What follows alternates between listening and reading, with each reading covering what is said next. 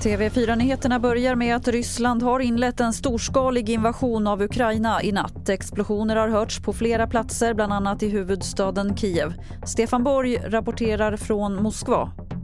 Det här är nog den största krigshandling som vi har sett i Europa på väldigt, väldigt lång tid. Det tror jag man kan säga redan nu, oavsett hur det här fortsätter. Men den här dagen får väl visa hur stora de här angreppen är, hur omfattande de är. Och eh, nu har vi ju bara sett förbekämpning då med, med robotsystem så vitt det verkar. Under dagen kommer vi säkert att få mer kunskap om hur marktrupper, det vill säga ryska marktrupper, har agerat längs gränsen mot Ukraina på hur många ställen till exempel som de har korsat gränsen eh, och, och gått in.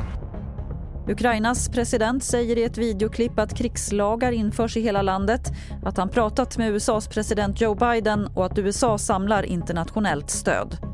Rysslands invasion av Ukraina fördöms av flera världsledare. Tysklands förbundskansler Olaf Scholz säger att det är en mörk dag för Europa och han kallar de ryska attackerna för ett brott mot internationell lag. Han uppmanar Ryssland att genast avsluta sina militära handlingar. Och mer om det här finns på tv4.se. Jag heter Lotta Wall.